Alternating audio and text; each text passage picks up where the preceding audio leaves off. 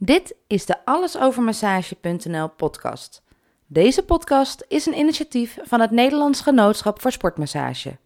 We gaan in op alles wat met massage te maken heeft. Zo blijf je op de hoogte van de laatste trends en ontwikkelingen. Van wetenschappelijk onderzoek, casuïstiek, ondernemerschap en relevant nieuws voor jou als masseur. In deze aflevering aromatherapie. Prachtig en veelzijdig, als je weet wat je doet.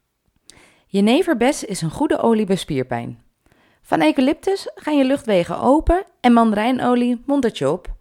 Het zijn slechts drie voorbeelden van etherische oliën die worden gebruikt in de aromatherapie. Aromatherapie is een vorm van complementaire geneeskunde en ook in de massagewereld is het gebruik van etherische olie niet meer weg te denken. In de nieuwe NGS-opleiding tot wellnessmasseur leer je de basis van aromatherapie.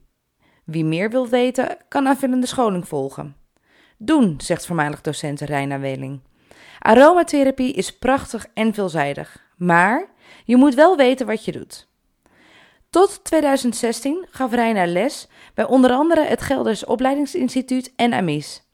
Ze doseerde er aromatherapie, diverse soorten massage op sport- en wellnessgebied en gaf ook theorieles aan schoonheidsspecialisten en pedicures. Inmiddels is Reina zelf gediplomeerd sportmasseur sinds 1994 met pensioen. Zo af en toe geeft ze nog een korte cursus of workshop omdat ze het zo leuk vindt. Maar de rest van de tijd brengt ze zoveel mogelijk met haar man, die ook met pensioen is, kinderen en kleinkinderen door. Toch is massage en vooral de aromatherapie nooit ver weg in het leven van Reina. Wil je een koekje, vraagt ze vriendelijk, zelf gebakken. Ik heb er wat rozenhydrolaat in gedaan.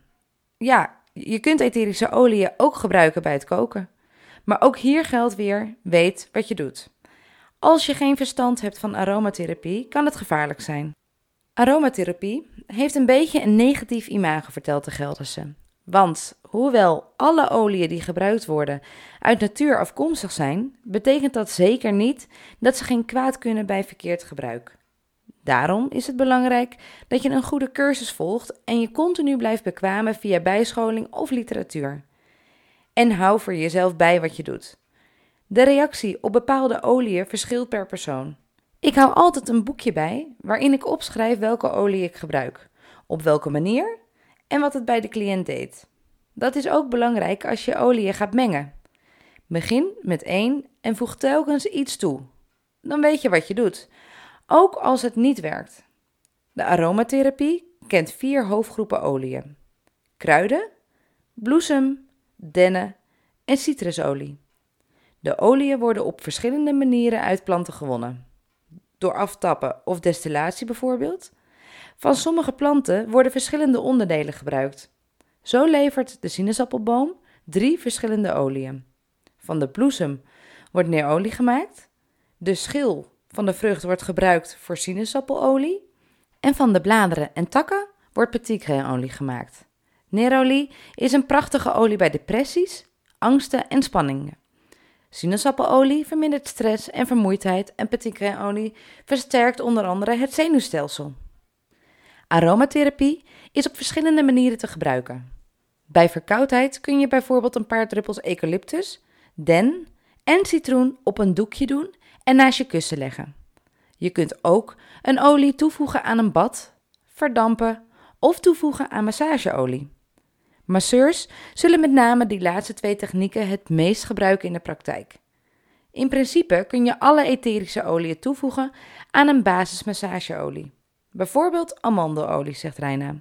Ze haalt een bakje met een stuk of tien kleine flesjes tevoorschijn. Ze pakt er drie uit: jeneverbes, cypres en lavendel staat erop. Ruik maar, zegt ze, terwijl ze het dopje van de lavendelolie draait. Meteen zie je de Franse paarse velden vol lavendel voor je. De drie vormen een ideale combinatie tegen spierstijfheid, vertelt Reina. Neem 30 milliliter basisolie en doe er 3 druppels jeneverbesolie, 4 druppels cipresolie en 4 druppels lavendelolie bij. Met de olie kun je vervolgens gaan masseren. Niet alle etherische oliën kun je zomaar bij iedereen gebruiken.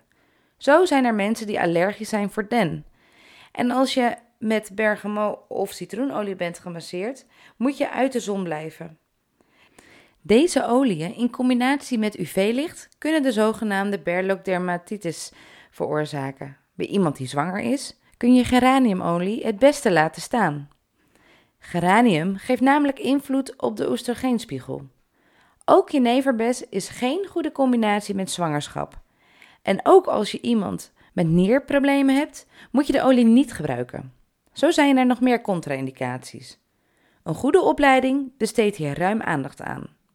Reina zegt: Als masseur moet je weten wat je wel en niet kunt gebruiken bij je cliënten. Vraag daarom altijd of mensen ergens allergisch voor zijn of een andere contra-indicatie hebben. Wellnessmasseurs kunnen aromatherapie ook gebruiken om de ruimte een aangename geur te geven. Dit kan door een olie in de kamer te verstuiven of verdampen. Wellness is ook geurbeleving. Naast de therapeutische werking van een olie is de geur belangrijk, zegt Reina. Daarom moet je weten wat de persoon die op tafel ligt lekker vindt. Lavendel kan wel goed zijn om te ontspannen, maar als iemand de geur niet kan verdragen, heb je er nog niets aan. Dan is je hele massage naar de knoppen. Ik vraag altijd of iemand van geurige kruiden houdt of bijvoorbeeld meer van bloemerige en frisse geuren.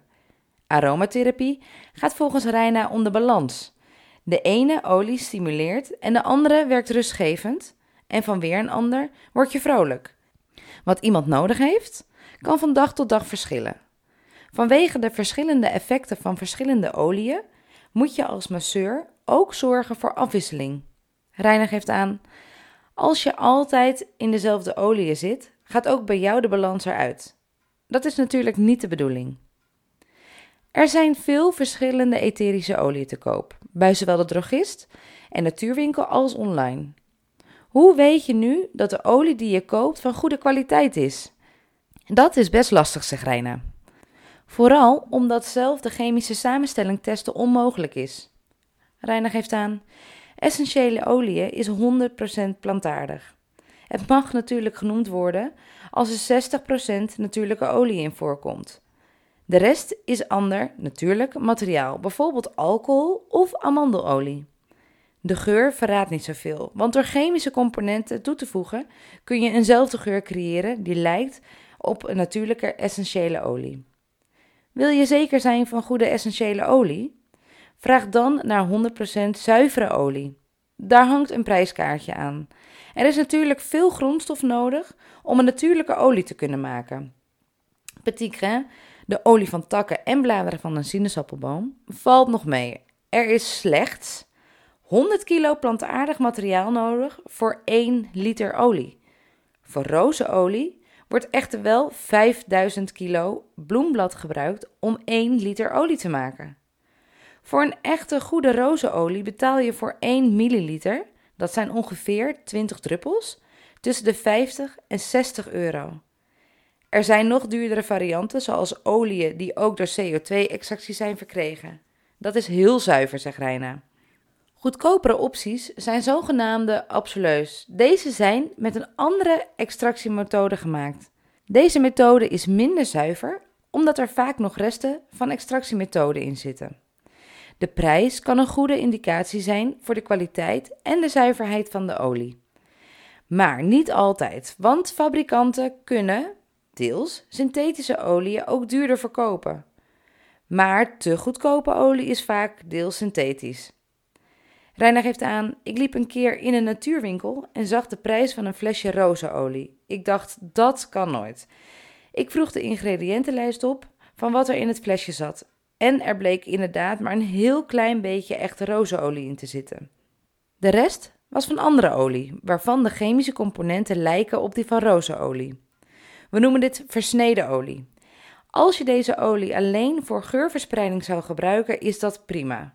Maar therapeutisch staat niet gelijk aan de werking van echte rozenolie. En je hebt er niets aan. Een aantal merken staan bekend om zijn goede producten. Reina noemt Chi en Volatiel als voorbeeld. Zij leveren kwalitatief goede producten. Weleda heeft goede kant-en-klare massageolie met name geschikt voor sportmasseurs. Deze fabrikant ondersteunt ook de boeren die de planten verbouwen en komt zo tot prachtige Fairtrade producten. De kwaliteit van oliën kan trouwens per jaar verschillen, net als met wijnzegrijnen. Het maakt nogal wat uit of planten veel of weinig zon of regen hebben gehad, of waar ze groeien. Zo zijn de geur en werking van lavendel uit de Provence anders dan die uit de bergen. Er zijn ontzettend veel boeken geschreven over aromatherapie. Reina heeft een kast vol. Zij raadt verschillende boeken aan voor alle masseurs die zich met aromatherapie bezig willen gaan houden of al houden. Al deze titels vind je op allesovermassage.nl.